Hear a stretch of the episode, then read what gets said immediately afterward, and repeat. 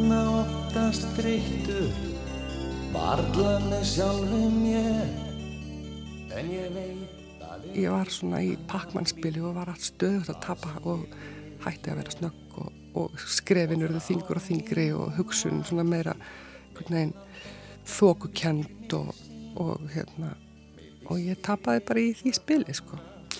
Þegar ég deg, þú veist, vil ég að ég hafa bara verið að vinna ótrúlega mikið, kannski áorkuðið einhverju svakalögu, ég veit það ekki, en þú veist, þau eru upp í staðið, eh, hvað er það raunverulega sem skiptir máli?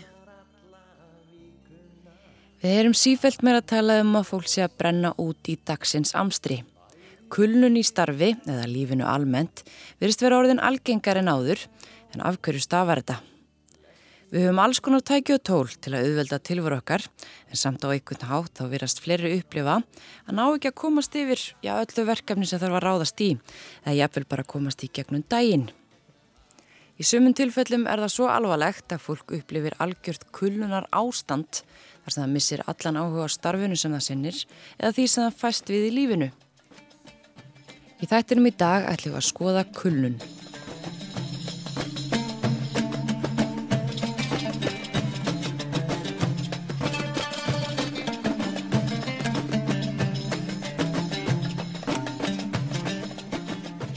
Hugmyndin á þættinum kviknaði þegar ég var í Marakóðdögunum á samt vinkonum mínum.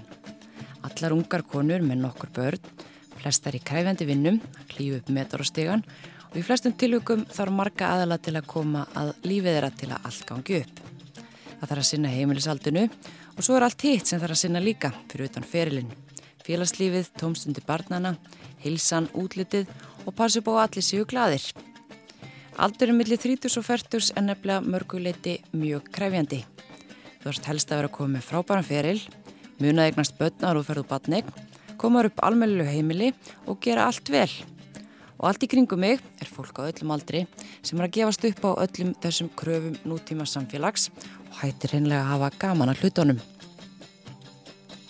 Við vorum einmitt í umræðum um flækjustígin í lífinu þegar konan sem rak Ríati sem við gistum á sem er eins konar hótel í miðborg Marrakes, fór að segja okkur sína sögu.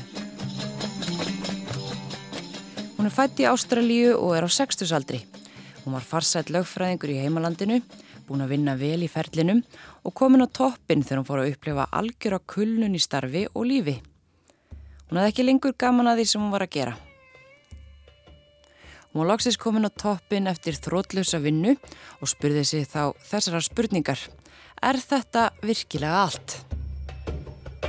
Í framhaldinu hætti hún í lögumennskunni, flutti frá Ástralju til Marrakes og opnaði þar þetta ríat. Hún kefti hús í niðunýslu og hefur eitt undaförnum árum í það að gera það upp og tekur nú á móti ferðamönnum allstaðar aður heiminum. Og hennar skila bóð til þessari yngri kvenna sem hún gæti séð sjálfa sér svo stert í voru að staldra við og vera til hætta að hafa þessar áhyggjur og hugsa hvað það væri sem raunverulega skipti máli. Allt hitt mætti mæta afgangi. Þegar ég fór svo að hugsa þetta þá sá ég að allt í kringum mig fólk að erfiða hreinlega við að vera til. Sem er sérstakt að mörgu leiti þar sem það ætti einmitt að vera auðveldar að vera til í dag en áður. Og í þættinum í dag þá ætlum við aðeins að skoða hvað það er sem er að valda þessu. Höfu það kannski of gott og erum fann að spá of mikið í hlutina eða eru gerðar ómikla kröfur í nútíma samfélagi? Hvað er það sem veldu því að sífelt yngra fólk upplifir kulun í starfi eða lífinu almennt?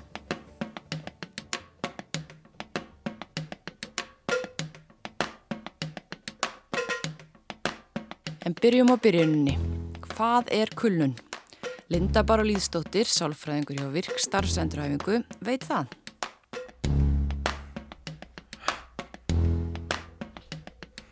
Kulnun, þetta er ástand sem að hérna einstaklingurinn fer í. Það er að nálgast kulnun eiginlega á tvennanátt. Þetta er svolítið flókið. Ég hef verið svolítið að, verið svolítið að ræða um fyrirbæri kulnun og verið með smá sögukenslu alltaf að því að kulnun er svo flókið fyrirbæri. Þú getur nálgast það á tvennanhátt. Þú getur nálgast það annarkvort eh, með því að skoða enginni hjá einstaklingum sem verða fyrir kulnun og þá ert að, að fókusa á einstaklingin eh, eða þú getur nálgast kulnun út frá vinnustæðakúltúrnum eða vinnustæða eins og vinnustæðasálfrangar gera. Og þá ert að skoða hvað er það í umhverfunu sem veldur því að einstaklingur brennur upp. Þannig að þetta er svona eftir því hvaða, úr hvaða átt og kemur. En, en í dag er nú eh, flestir að hallast á það að það er vist umhverfi sem að kallar frekar á kulnun heldur en önnur umhverfi.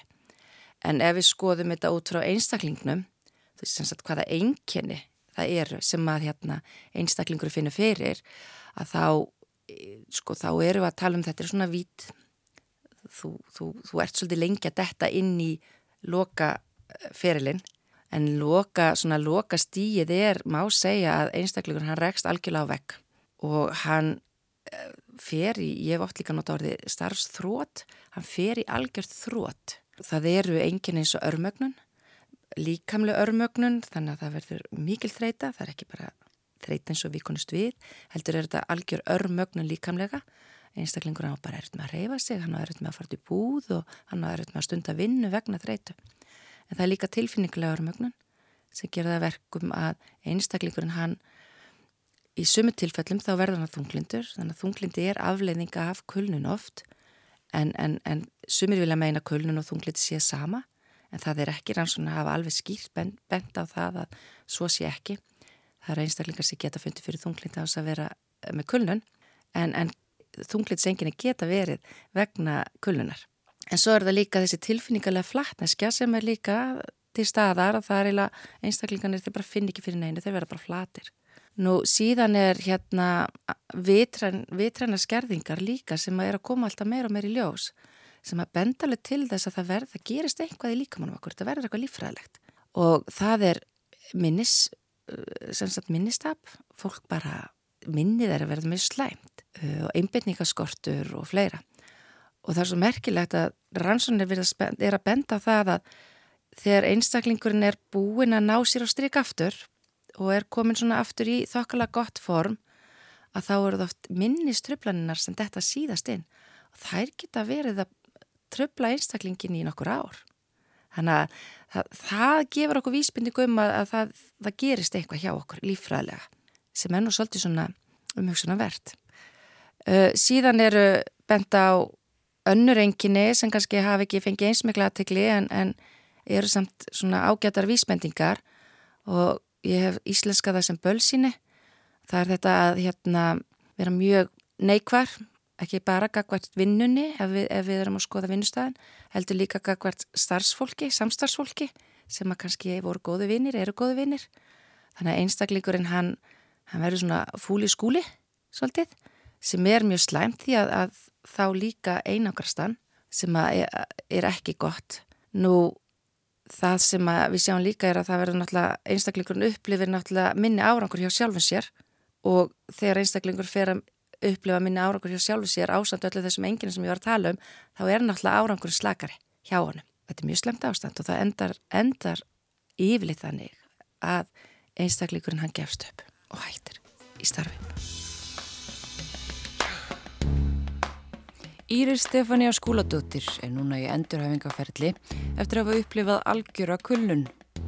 Hún hefur alltaf haft nóg að gera, verið með marga bolta á lofti, gripið þau tækifæri sem hafa gefist, auk þess að vera í námi og hugsa um börnin sín tvö. Sko ég held nú að, um, að ég hafi mögulega lendi í börnóti tvirir sem áður á æfuminni. En þá hef ég alltaf stimplað sem eitthvað svona tauga áfall eða eitthvað svona bara að ég væri að keira mig út og var, ég vissi ekki hvað það var eða, veist, og hérna það voru tímabilina sem ég var að reyka leikús og til þess að geta þú veist reyki leikús og þá þurfti ég náttúrulega að vera með tekjur, maður far ekki tekjur að reyka leikús þannig að ég skráði mér nám svo ég geti fengið námslán. Ég var líka með lítið badd þannig að það var óslægt hendut þá geti verið námi reyki leikúsið og fengið bara námslán sem laun og líka fengið leikskóla og þá kerði maður út hérna tvissvar og hérna og díla bara við það sjálf. Og svo núna sagt, eftir sumarið og hausti 2016 að þá er ég bara gjörsamlega þú veist, já ég veit ekki hvað sko, ég kerði mig svo mikið út og var ekki með þú veist sama svona gameplan og síðast. Þá skráðum alltaf í, þú veist, nám þannig að svona, þú veist, ekki verið mikla viðvörun einstaðar samt svona púlaði gegnum prófinn þegar þau komi og svona en þú veist, ég var ekkert að fara að skrá mig skilur eitthvað annað mastersnám þú veist, þess að díla við börnat Mánuðinu undan hafði allt verið uppleið hjá Írisi. Hún var í fullu starfi við að stýra háttíð og byggðust fjölmörg atvinni tilbóð með um ímsu verkefnum sem hún ákvaða að taka að sér. Og ég, þú veist, er hérna doldið á uppleið og bara hvað, já, ekkert mál. og hérna tek, sem sagt, er að vinna hér og rú við hérna dagskrákæri með æfari vísindamanni. Og sé síðan um hérna stoltgungu fólks með föllun og er líka að skipulegja eh, nokkra viðburði í einu tjaldi á hérna fundi fólksins. Og svo fyrir út til Norex og er að kenna leiklist alltaf tvær vikur í senn, svona hingað þanga og mér finnst þess að ég glem einhverju. En já, allavega. Og það, þú veist þannig að ég var í svona cirka 200% vinnu í hérna eitthvað fjóra mánuði kannski ætlaði svo kvíla mig gett mikið um jólinn en þá bara fór allt í klessi algjörlega sko. Það hrundi allt hjá henni og hún var mikið veik. Íris er greint með bæpólar og segir það ábygglega að ykkur leiti spila inn í. Hún segist engan veginn hafa gert sig grein fyrir því þegar hún fór að fá alls konar enginni að um kullun væri að ræða. Þú veist þá er ég líka bara búin með alla orku, það er ekki neitt eftir og ég bara er komin á svona stað þar sem, að, sem er alltaf óglatt. Uh, sérstaklega og ég er alltaf svona hm, allir sé ólétt, uh, allir sé alltaf að sem ég byrja með gubbupest og svona fatta bara geta þú veist kvíði og álæg og eitthvað svona. Um, en það var alltaf í ákveðnum aðstæðum. Ef ég var þú veist í strætó eða á fundi þar sem þú veist ég vissi ekki hvenar ég kemist út eða mikið fólki eitthvað sliðis og það var stór fundur einhvern tíma fyrir lista á til Reykjavíkur í hérna safnahúsinu. Og ég var fjærst útgönguleiðinni. Og ég byrja bara svona, ég byrja bara að svitna. Og hérna þetta er desember cirka. Og ég byrja að gera svona öndunaræfingar sem að teikna svona kassa og svona and inn, halda, anda út. Og svona, þú getur þetta Íris, ekki standa upp.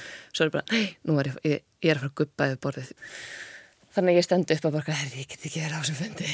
Og svo fer ég bara út inn á klósett og bara grenja úr mér líftóruna þú veist, ég veit ekki hvað að gerast. Allt er bara í ruggli, bara í kroppnum mínum, þú veist, og ég bara þú veist, lírum sé alltaf frá guppa, líða yfir mig og, veist, og bara svona, þetta er svo, svo líkamlegt sko líka, þú veist, þetta er alltaf mest andlegt hjá mér allan að fannst mér en líkamenn spila rosalega mikið inn í þetta og bara vill ekki gera hluti sem ég er að reyna að segja um að gera og rosalega oft, þú veist, ég er að keira og er að fara út úr bílnum, það bara svona er líkamenn bara svona, nei, ég ætla ekki að færa mig. Ég er svona, koma þessu, áfram.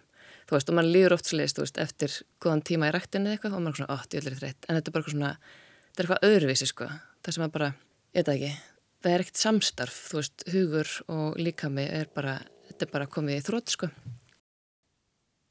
Eftir atvikiðin á klósetti þá áttur hann sjá því að hún er að keira sig í þrótt og ákveður að fækka verkefnum sem hún er í. Hún sendir post á vinkonu sína til þess að spyrja um vinnu sem hún held ekki geti henda sér, væri rólegri, því að það væri öruglega svarið við þessu. Hún þyrti bara rólegri vinnu. Og hún gaf, já, ok, líst þessu aðeins betur. Ég bara, já, nei, þú veist, ég var bara í 200% starfslutvalli aðeins langan tíma og nú er ég bara búin á því og ég get ekki gert neitt og ég kemst ekki fram úr. Svona, ertu með eitthvað næs? Og hún ringir svo bara í mig og er eitthvað, e, þetta er ljómar eins og burnout. Og ég eitthvað, já, ok, hvað? Hvað er það? Bara, ég var að upplifa þannig og nú fóru til virk og fekk rosalega góða aðstóð og liði miklu betur. Bara þú ættir bara klárlega að fara þanga. Og ég er svona, ok, þú veist, ég heyr hvað segir en ég er samt ekki að fara að gera það. Ég er ekki að fara, þú veist, leita mér hjálpar svona. Þú veist, þetta er svona stort skref, sko. Þetta er svo mikið svona, hvað ég segja, mann líður þessi uppgjöf og líka svona, ok, já, við vandamálustriða og nógu erfitt fyrir mig að viðkynna þú veist að ég væri bæpólar og ég er ennþá, ennþann dag í dag svona, en ég er það samt ekki. Og sálfrænga minna svona, mm -hmm, sure.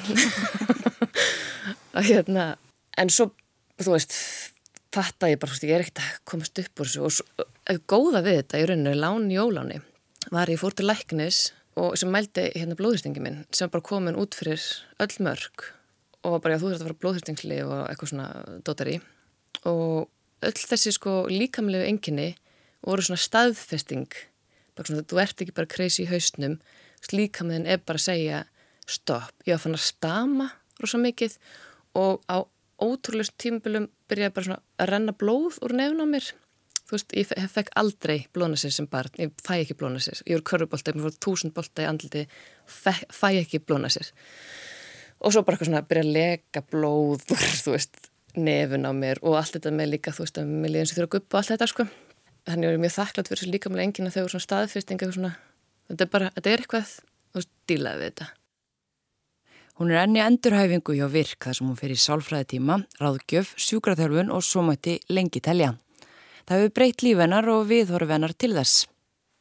Þetta er ekki samlega búin að umturnast, þú veist, það er allt, uh, þau, ég hefði haldið að ráðgefarnir væri eitthvað svona, já, já, svo, þú veist, er að vera að drífa að vinna á eitthvað svona, og væri svona, það væri mark, er náttúrulega markmiðið og ég held kannski að vera svona að reyna að íta á það en þau eru bara, já, ég svo bara hlustar á líkamann og hlustar á sjálfa og tekur því róli og ég bara, má ég það bara, og bara, ég, ég veit ekki, já, má bara vera svona, þú veist, það er frábært, sko. Og, þú veist, þau eru bara að sjá til þess að ég komist í rútinu, að mér líði vel og ég geti, þú veist, bara byggt mig upp aftur. Og ég má bara taka allan minn tíma í það. Þetta tekur gæðvill langan tíma sem er fáránlegt.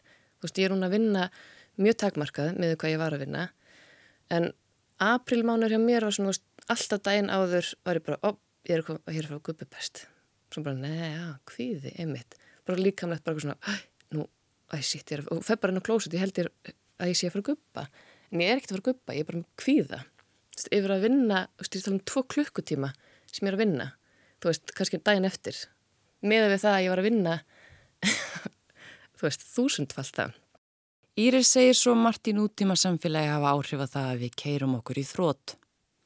Ég held, að því að núna er að vera að tala um að, að þú veist, maður er að fara aftur út að vinna, það segir ég persónlega og það sem ég er að nota tíman minn í núna er að láta mig líða vel. Þú veist, ég er að fara rektina, ég er að fara sjósund, ég er að hugla, ég er að gera hitt og þetta.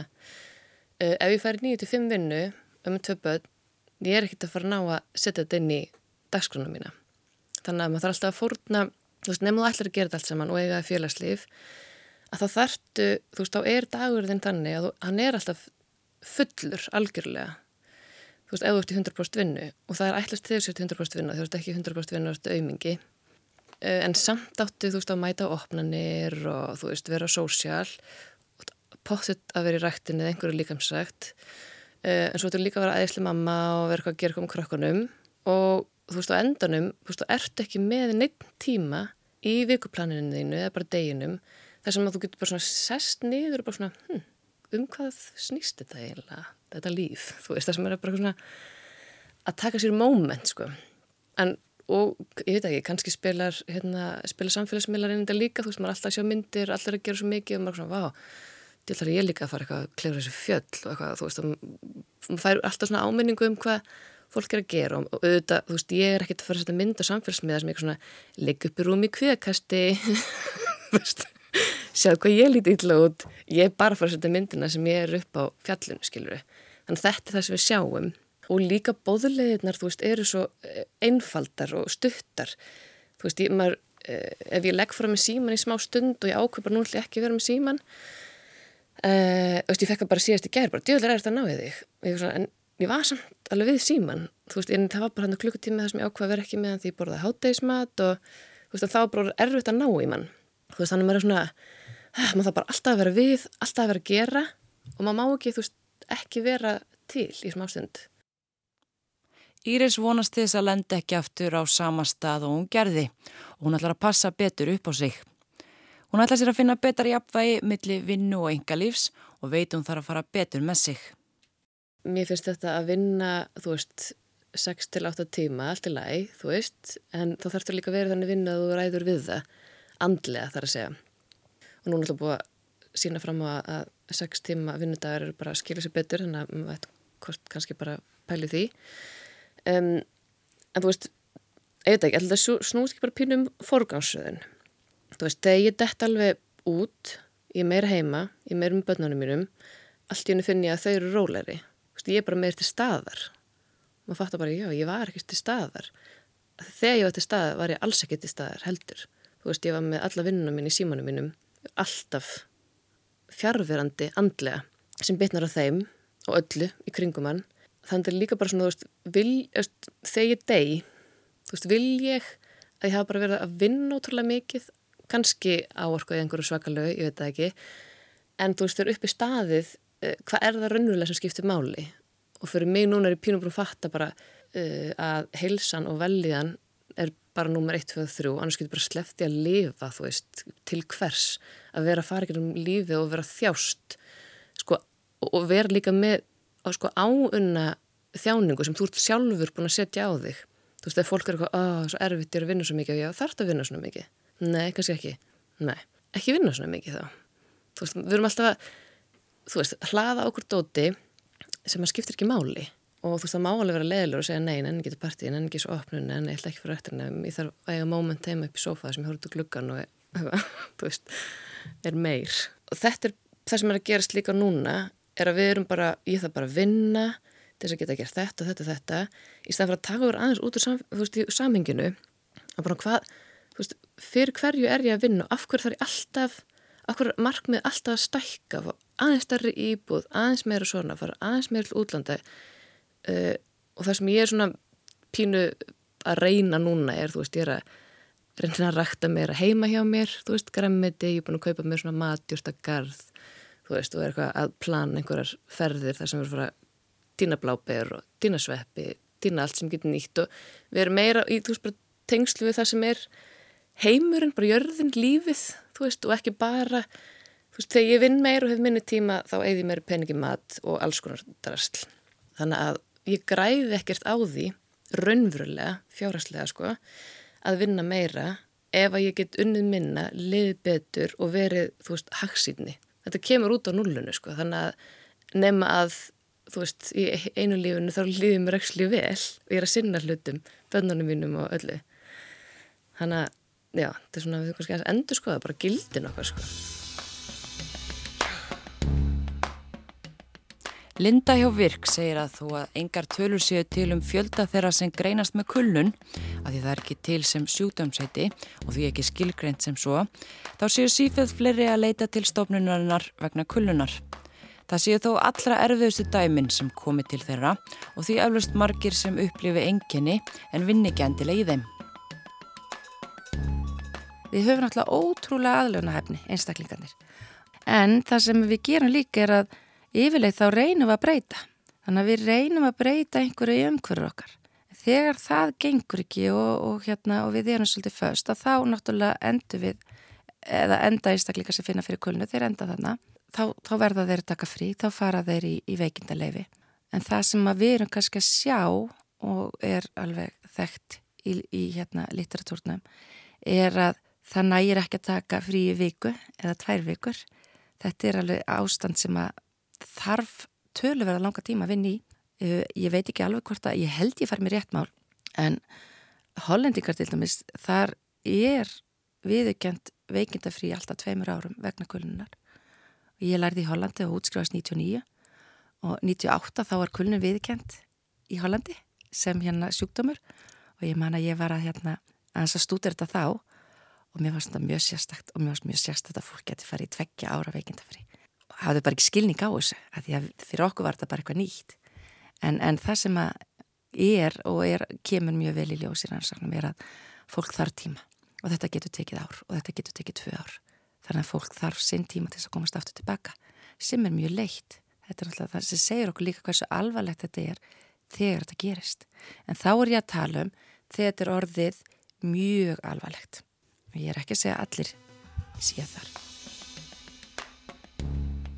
En hvað þarf að gera til að fyrirbyggja kullun? Þarna komum við aftur með þessar tvær nálganir. Hvernig ætlum við að nálgast kullun? Er þetta einstaklingurinn eða er þetta vinnumhverfið? Og við höfum verið svolítið að fókusa á einstaklingin, eh, ekki bara við á Íslandi eða við hjá virkeldur líka bara erlendis og, og það hefur verið að láta einstaklingin og það kannski, þetta er svolítið flókin umræða því að um leið og ég er að benda á að við þurfum að viðkjöna þessi sjúkdóm að þá er líka svolítið gríku gerðu með því að viðkynna þessi sjúkdómur því þá við að fókusa á einstaklingin, þá er þetta eitthvað hjá einstaklingnum. Það er einhvað sem er breyðult hjá honum og þá kannski gera það verkum að við horfum ekki eins mikið á umhverfið sem við erum að setja einstaklingana inn í en við hefum verið svolítið að fókusa einstaklingin og verið að senda einstaklinga í alls konar meðferðir og, og til sálfræðinga og fleiri og fleiri þeimdur en það sem að virðist koma í ljós og í dag erum við alveg detta þangað að segja, heyrðu, það sem þarf að gera sér á einstaklingi er einfallega að hann þarf að núlstillan. Það er mjög gott að geta farið og fengið aðstóð en aðstóðin snýst aðala að því til þess að byrja með að fá einstaklingi bara til að viðkenna og sjá að þetta er allt í lægi, að viðkenna að hann þurfa að kljást við þetta. Það er svo erfitt fyrir einstaklinga að viðkenna sér sigraða. Það er þessi núlstilling að komast inn í tímabil þar sem eru enga hvaðir, það er ekkert, þú núlstillir það algjörlega og margi fara bara í göngur, um, það er mjög margi sem að finna sér í einhverju list, myndlist, uh, skarkripagerð, hvað sem er, einhvað sem bara kvílir hugan. Þannig að þetta er svona rannsóna sína að flókin úrraði er ekki endilega það sem að skiptir máli.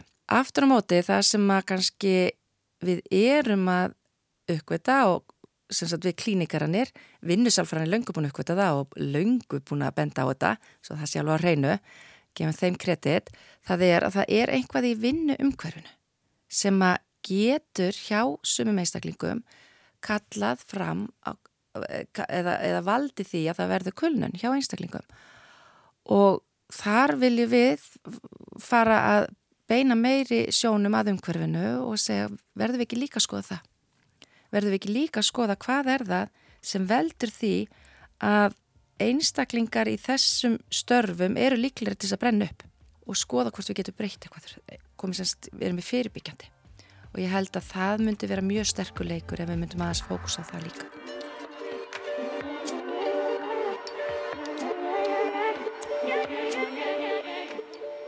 Margrét Martinsdóttir upplýði fyrst kulnun árið 2012 og aftur árið 2016 Í fyrraskipti var hún í afarkræfjandi vinnu sem dasgrastjóra Rúf og í kjölfarði breytti hún lífið sínu.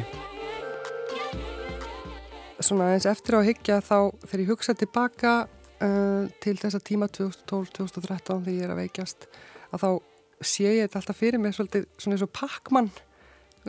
Flestir hafa spilað Pac-Man þar sem hann er sko að reyna að forðast draugana og hérna, ná sér í eitthvað góst til þess að fá aukalíf og svolítið og ég var mjög góð í Pakman hérna í bregðaltinu 1980 eitthvað, mjög snögg og úræðagóð og það er einhvern veginn þannig sem ég hef séð þetta sko. Þannig að 2012-2013 þá allt inn hætti ég að geta farið sko inn í hodn, þú veist, og verið snögg og úræðagóð og náð mér í, þú veist, það sé þetta náð mér í til þess að ná í auka líf og það bara kvarf einhvern veginn, þú veist, draugarnir náðu mig bara alltaf, ég bara play að modni og bara við stimpilklukuna var búið að geta mig, skilur þannig að ég, ég átti ekki breyk sko. Þannig að ég, ég er ekki að segja að mér langi aftur að verða góð í pakman, þetta er ekki þannig en þarna, það er aldrei þannig sem ég hugsi þetta. Þetta var, ég var svona í pakmanspili og var allt stöðut að tapa og hætti að vera snögg og, og skrefin eruðu þingur og þingri og hugsun svona meira þókukend og, og hérna og ég tapaði bara í því spili sko þetta byrjar 2012 þá byrja ég að veikjast og fæ reynar greiningu það ár uh, kvíð og þunglindi en let það ekki á mig fá og held áfram í ofbáslega mikil vinnu, mikil ábyrð, mikil viðvera. En 2013 þá, þá hérna lendi ég bara í þessu þrótti, bara algjöru. Og það er hausti 2013 og það var ímislegt búið að gerast líka í engalífinu, svo sem þetta var ekki bara vinnan en kannski fyrst og fremst hún samt sem aður um, og þá lendi ég bara á vegg eins og sagt er og þessi og, og í kuln Hvernig, ef þú myndir lýsa því hvernig ástand er það þegar þú lendir bara á vegg? Það er nefnilega svo lúmst sko. Um, þetta gerist hægt og rólega en síðan þegar að maður kemur að vegnum að þá sko er ekkert um að villast. Þá veit maður að það er ekki hægt að halda áfram og það var þannig í mín tilfelli ég varð bara óvinnu fær eitt góðan veðudag eða eitt slæman veðudag þá bara varð ég óvinni fær og gati ekki meir. Þetta byrjar einhvern veginn, ég hugsa tilbaka, ég fór bara einhvern veginn að gera allt hægar, uh, hugsanirnar eruðu óskýrar, um, hægar, ég hafði alltaf verið snögg og úræðagóð, það bara fór. Og svo fór að koma alveg ofbásli vanlíðan.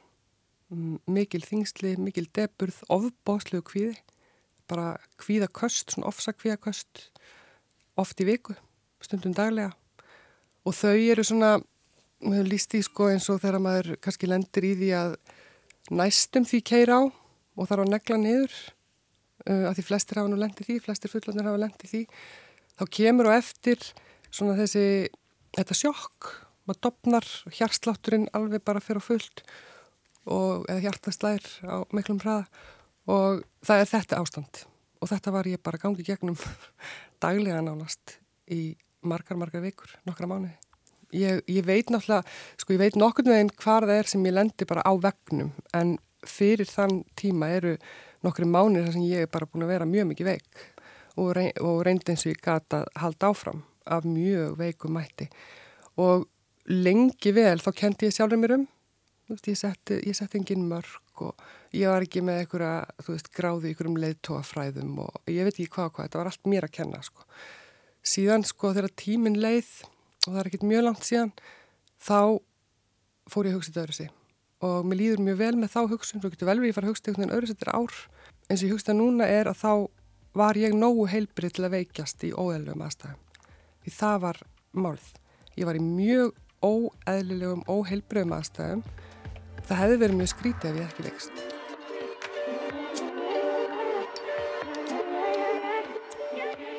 Hún þurfti að hætta að vinna og var í veikindarleifi í þrjá mánuðu til að byrja með. Og vil ég segja það, þá var ég bara heima. Og hérna að reyna að byggja mig upp, kvíla mig. Kvíldin var ósala mikilvæg, mér fannst þess að ég ekki sofið í mörg ár, uh, eða ekki almennilega. Og hérna, en síðan fór ég af stað og snemma, sko. Þannig að 2014 er ég komin alveg á fullt aftur. og hérna fór ég ímisverkefni. Svo 2016 þá lendi ég aftur í konun höstu 2016 eða þannig á sumarið líklega, byrjar það. Og það var aðeins öðruvísi. Það var ekki þessi kvíði, það var meiri svona meiri þingsli og aftur vektist ég. Og þá fór ég í uh, veikindilegi heilt ár. Og kem ekki úr því fyrir en uh, hösti 2017 Og fórst í þá starfsendur hæfingu? Já. Hvernig var að fara gegnum það ferli?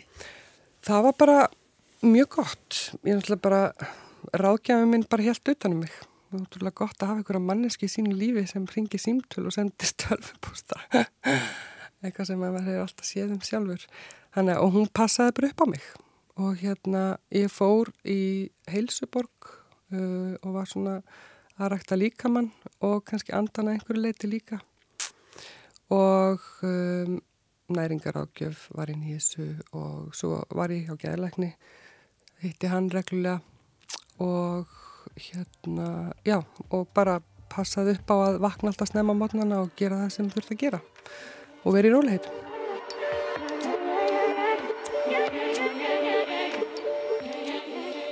Þessi umræðum kulnun minnst það frábært, minnst frábært að sé verið að tala um þetta og mikilvægt en það þarf að taka þetta held ég út frá svona, já, skoða stóru myndina, eins og við búum í alveg sjúklegu streitu samfélagi. Þetta er það, það bara, maður þarf ekkert að vera lengi fyrir utan sko vekki heimilisins til að sjá það og finna það. Hún er allstað, hún er bara í leikskólum, í grunnskólum framhaldsskólum, vinnustöðum bónus, kaffjúsum bara sama hvað þú ferð. Og ég hef sagt reyndar á hérna erindi á stóri hérna ráðstöfni sem virk var með starfsendur endurhæfingin og bara tveimur dögum áður en ég held þetta erindi þá var ég á Suðlandsbrutinni í bíl og fyrir framann mig þá er aukukjensla. Við erum stopp á rauðu ljósi, svo kemur grænt ljós og aukuneymin drefur á bílnum. Og ég spendist upp, ekki út af henni, jú, reynin út af henni vegna þess að þá er komið komi bílarauð fyrir aftan mig og það byrjaði að flauta. Bara um leið og þetta var bara klokkan þrjú á þriðu degi og þannig bara gengur ekki að stoppa umferð klokkan þrjú á þriðu degi. Síðan fóru bílar að bruna fram úr og flautu þegar þeir kerðu fram hjá og svo silaðist ég fram úr henni bara á gulu ljósi og þá satt þarna stúlka 17 ára líklega að læra bíl hágrátandi. Og þetta er bara svona einlítil saga hverstagslega í rauninni, bara lætin og streitan og háfaðin. Ég hef bara síðustu tvö ár forðast þetta. Þú veist, ég get náttúrulega ekki forðast að, að lendi í þessu, en bara almennt þá reynir ég að fara í búðina þegar það er fátt fólk Uh, ég er að vinna á stað þar sem að fólk kemur og er í fríi um, á gljófarasteini, dásamlegu staður, þannig ég fyrir upp í sveit á mótnana, keir á mótu umferð. Þannig ég hef svona reynd að vera þetta aldrei baksviðs og að henda mig vel. Margret segir margt spila inn í þegar fólk upplifir sig í þessari stöðu. Það vantar kannski eitthvað upp á það að við bara sjáum daldi hvert annað líka. Ég held að það sé of algengt að við horfum bara í gegnum fólk og ég talaði um að ég hef átt að setja skýrari mörg en uh, sko það hefur svo sem verið talað um við mig líka sálfræðingur og gæling, ég verið að setja skýrari mörg. Ég er ekki alveg vissum að ég ætla að fara í þá vinnu. Ég held ég ætli að gera ráð fyrir vinsanlegum samskiptum áfram uh, og ég þurfu ekki að vera eitthvað að brinja mig. Mér langar ekki til þess. Mér langar ekki að breytast og ég held að fólk sem að er viðkvæmt sé útsettara fyrir þessu, það sé, það sé hérna, já, meiri hætt á að það lendi í svona löguðu en hérna maður sér það líka bara í barnahópum hvað viðkvæmum börnin eiga ofta erfitt uppdráttar bara í, í fríminutum og inn í kjænstofinni. Þannig að hérna, ég held bara við þurfum öll bara einhvern veginn að fara aðeins að hæja á okkur. Það er svo mikil styrlun í gangi, ég ætla bara að nota það orð. Þú veist, kaupæði og líka meiri segja reyfing. Það er eitthvað æði þar. Í mínum huga er þetta ekki heilbrygt sko. Og ég ætla bara að segja fólk á mínum aldrei að deyfa sig með áfengi. Það er líka algengt. Hverji helgi? Jafnvel hvert einasta kvöld. 2-3 úr auðvinsklaus. Þannig að það er eitthvað í gangi sem er taldi ískikilagt og við þurfum einhvern veginn að þess að staldra við og, og róa okkur niður. Kanski er fyrsta skrefið að stitta vinnuvíkuna. Já, líklega er það það, sko. En ég er bara taldi hrættum að þá myndi fólk bara fara að vinna heima þessari kvöldin. Meira jafnvel en það gerir nú þegar. Þannig að það, já, það þarf bara að hæja á öllu. Eftir að Margret lendi í kulnun görbreytt hún lífið sínu og forgangsraði upp á nýtt. Sko lífið náttúrulega breyttist þannig. Ég, ég tók hann það smá mikilbil, ég, ég opnaði kaffihús og rak það og það var alveg frábær tími, það var mjög mikið að gera og sko margar, margar vinnustundir en ekki þessi streyta sem ég kynntist hérna, allt öðruvísi. Þetta var bara svona eitthvað að vaska upp og þrýfa og ágreða og ég kunni mjög vel við það. En svo var þetta farið aðeins að hafa áhrif náttúrulega á bara það að geta verið í, í hérna, meira með börnunum mín. Þannig að ég ákvaða að hætta því og, og fór að vinna annars staðar, bara svona 9-5 vinna. En þar var streyta. Þannig að ég var að vinna færi klukkutíma en það var þar sem ég vektist aftur. Þrátt verið að vinna færi klukkutíma heldur en á kaffihúsinu. Þetta snýst ekki alltaf um það. Þetta snýst líka bara um bara allskinn samskipti og viðmót og hvernig manni líður á vinnustæðanum eins og ég var að segja á þann sko þetta með að horfa á fólk en ekki gegnum það. Það er líkilatrið fyrst mér. Við eigum aldrei að sjá hvað er að gerast hjá vinnufélugum, vinnum, vinkunum, ættingum og allt þetta. En já, ég breytti, ég fer hérðan úr stjórnunastöðu um, yfir í hérna, uh, já svona kannski laun sem voru allt í lægi, við tölum um það, en svo úr því yfir í bara lálunastörf og hérna það er náttúrulega bara til þess að geta haldið áframpartið sálfræðinga og gera það sem ég þurft að gera, þá verður ég bara að taka lán. Og þá erum við komin að því veist, og það er náttúrulega til skammar að fólk þurfa að greiða háar fjárhæðir til þess að geta farið til sálfræðings. Þannig að, já, það var ekki auðvelt sko og er ekki auðvelt. Þannig þú þurftir í rauninu bara að taka lán til þess að geta komið heilsun í lag? Já, ég verður að gera það. En svo ferðu yfir í virk? Svo ferðu yfir í virk. Já, þá ferðu svona Já, það er, er, er innifælið þar eitthvað? Jú, Já. það er ímislegt innifælið þar nefnilega og hérna, það hjálpa og bjargaði mér algjörlega en það tók ég alveg heilt ár þar og það bara hjálpaði mér yfir að ræsta hjallan. En ég held reyndar að þetta ástand sem ég er í núna að vera viðkvam fyrir áreiti, uh, forðast, streitu og allt þetta, þetta er eitthvað sem held ég þau komið til að vera. Ég muni alltaf þurfa að gera það. Og ég held að það sé bara ágætt og bara jákvæmt. Þá er líka minni hætt á að ég fara aftur og fara aftur í þennan spíral sko, því það er svo auðvelt að fara ángað og eins og ég segi þá held ég að þetta sé heilbrygt og hérna að bregðast svona við. Að bara þetta er óeðlegt ástand að svo mörgu leiti það er svo allt of mikil streyta í þessu samfélagi Þú, maður heyra líka þegar ég segir, ég er að vinna á glúrastinni, ó já, bara um leið og maður er komin einhvern veginn bara upp í Moselstalinn þá bara sloknar á manni. Veist, þetta ánáttúrulega ekki að vera þannig. Ef Reykjavík er þar þjótt heima, þá náttúrulega líka sloknaðir þar. En það eru mjög margi sem upplifa að þeir ná ekki ró fyrir þeir konu út borginni. Daglega lífið á að vera þannig að þú átt að geta slögt að þér og verið ró.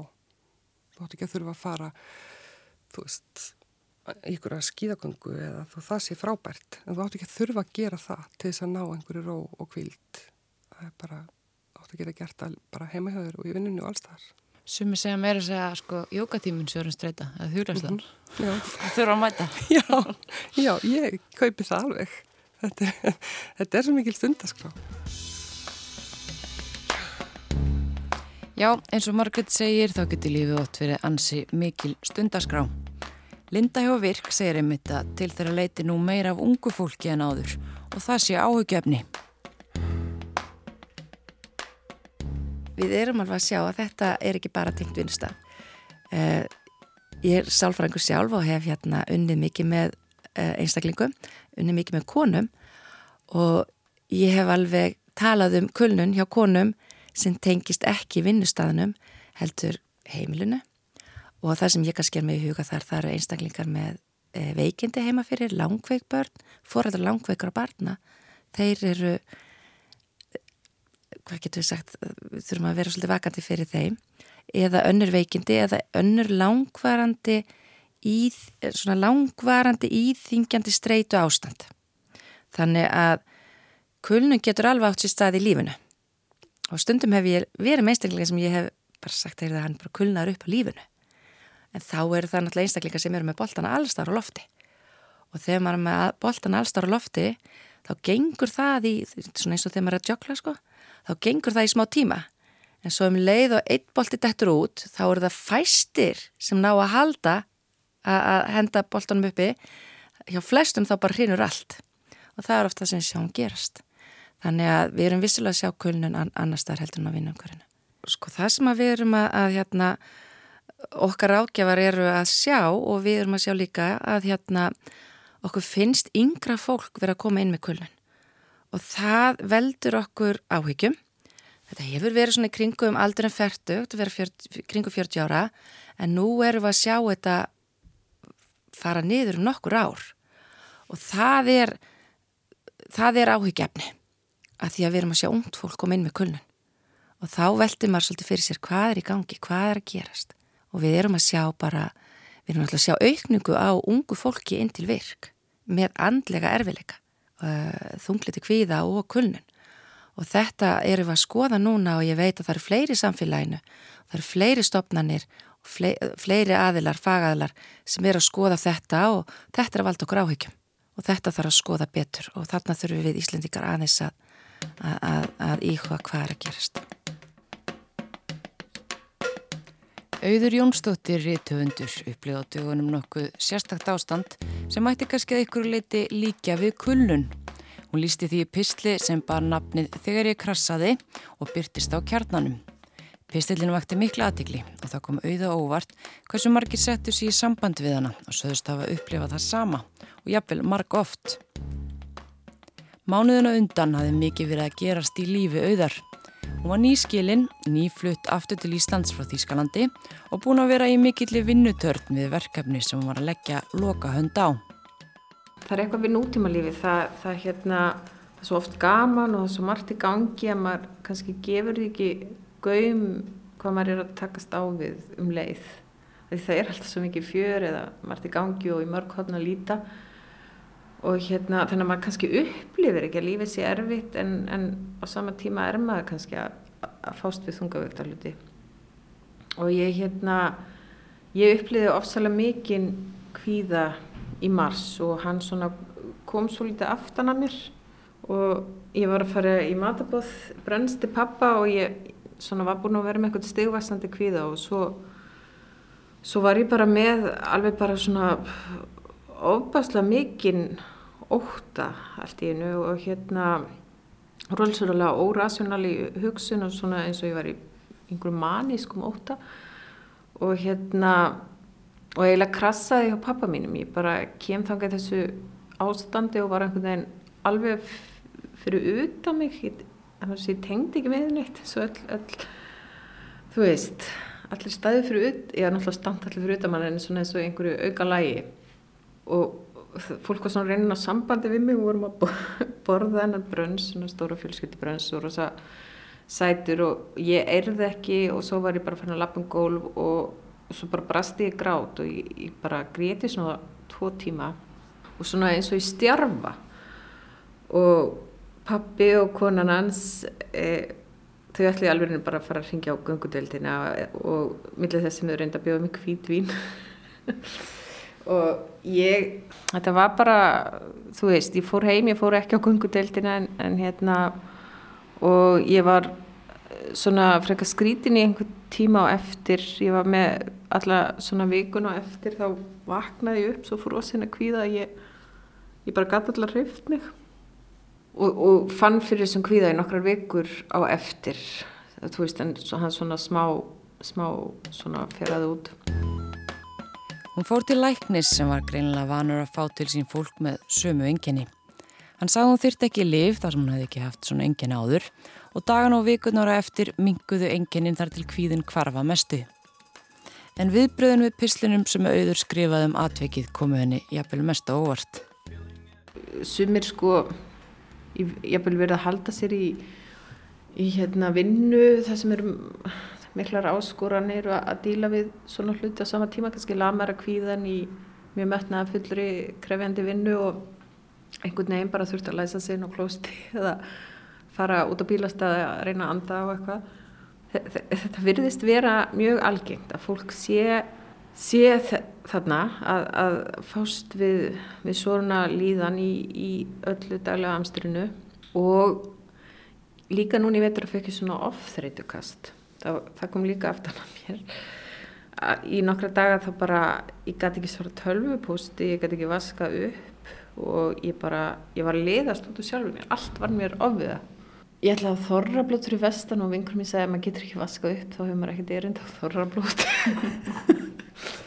og hérna þetta var á undan þessu og hérna þá talaði, var ég að svona þegar þetta var að byrja fjara út úr kerfinu þá var ég að tala við kunningakonu mín og hún sagði er þetta í fyrsta skipti bara svona alltaf í nextluð eða ég sagði þetta er fyrsta skipti sem ég upplifið þetta já. Hún segi ég alltaf, ég bara, alltaf að fá svona. Og mér finnst eins og þetta með svona ofþröndu og kvíða og, og kulnun. Ég veit ekki hvort þetta er einhvern vottur að henni ekki, ég er bara ekki nóg vel að mér. En ég á marga vini sem tala um kulnun. Ég held þetta sé og, og kunningi, ég held þetta sé sé allt, allt með algeng nú veit ég ekki hvort þetta er eitthvað algengar en áður hvort við séum bara núna með heitin og greininguna og meðvutundina um þetta. Það var einhvern sem sagði við mig, þú hefur aldrei skrifað hana pistil fyrir tíu árum því þetta var tabú þá. Núna einhvern veginn er þetta ekki tabú lengur.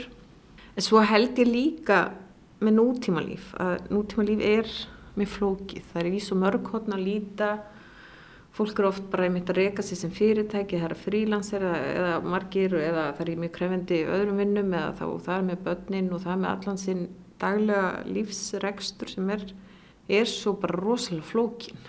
Hann er það, bara það, bara það að reyna að veist skilja skattskyrsluna sína eða, eða hérna, ráða endur sko en það í vinnu þegar maður á ekki fyrir skattorum eða eitthvað, þú veist, bara, bara allir faktorarnir í lífinu eru svo hérna þeir þeir krefjast svo mikil svo, svo bara, þú veist börnin manns bara allt þú veist þau, þau þeirra félagslífi flókið það, bara það, já það þarf að köpa í matinn, það þarf að vinna alla vinnuna það þarf að mun eftir að koma heimilismeðlumum til tannlagnis það er bara, það eru miljón hlutir á hverjum degi sem fólk þarf að muna.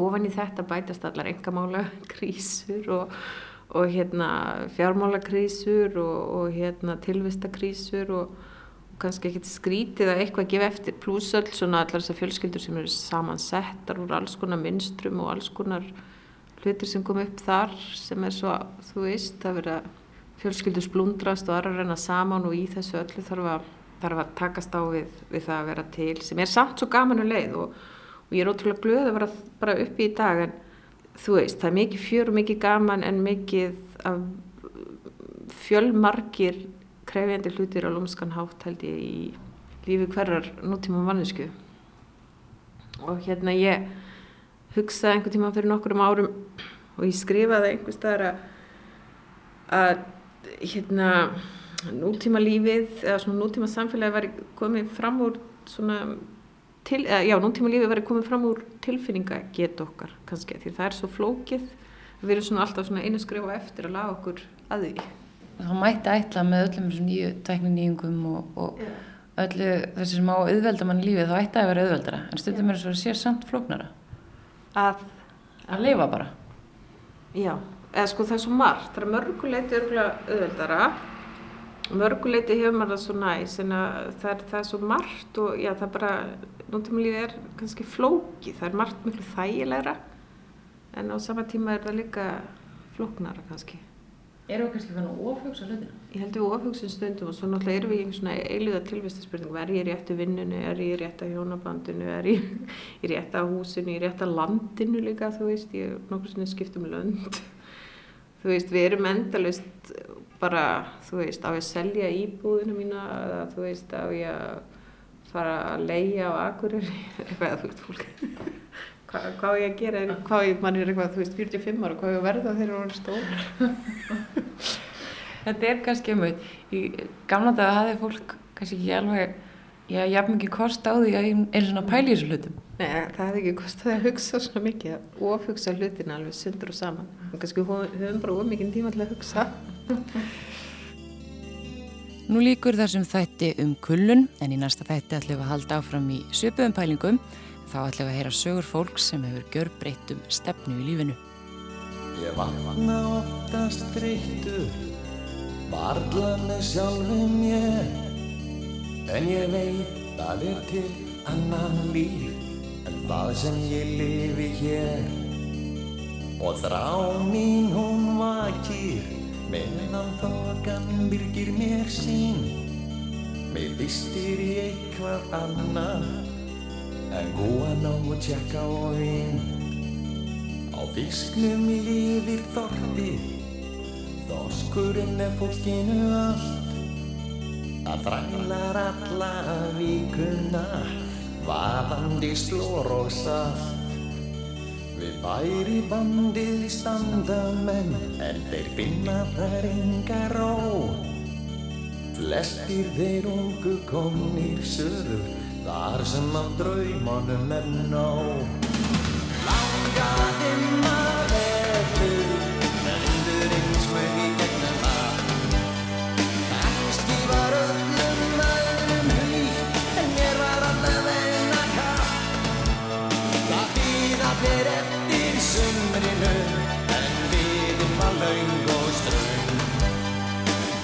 Bátarnir lágu tómir við kæjan Í kynungunum sæn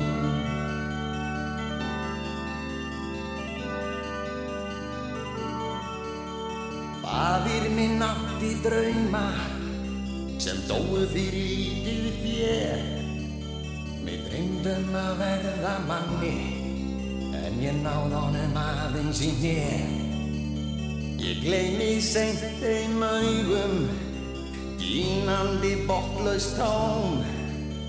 Gamall maður fyrir aldur fram með brostinn hrjúvan róm. Þegar ég var rétt orðin sögtján um sumari barst mér frétt að sæta dúkan hans bens í gröf væri orðin kasólétt. Nætugnar urðu langar nagandi óttinn með. Neldur ég gæt ekki tekið tilbaka það sem hafði skér Langaði maður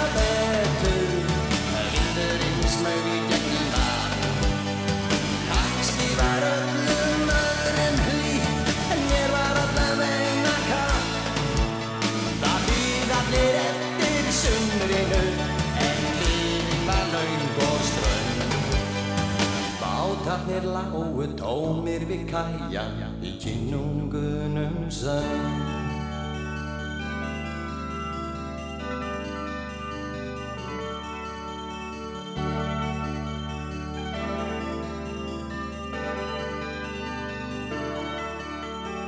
Aldrei fór ég suður, alltaf skorti mig þor. Hvert einasta sumar var því frestað, svo kom haust og svo vetur og vor. Nú er ég kominn á planið og ég pæli ekki neitt. Ég pakla mínar tunnur, byrju það ég fæ víst greið. Ég hugsa oft um börnin mín, bráðum kemur að því að þau býð ekki lengur þau fara, ég er ekkert sem heldur í. En koma tómir bátarnir og bræðslan stendur auð, baráttan er vonlaus þegar nýðin er döð.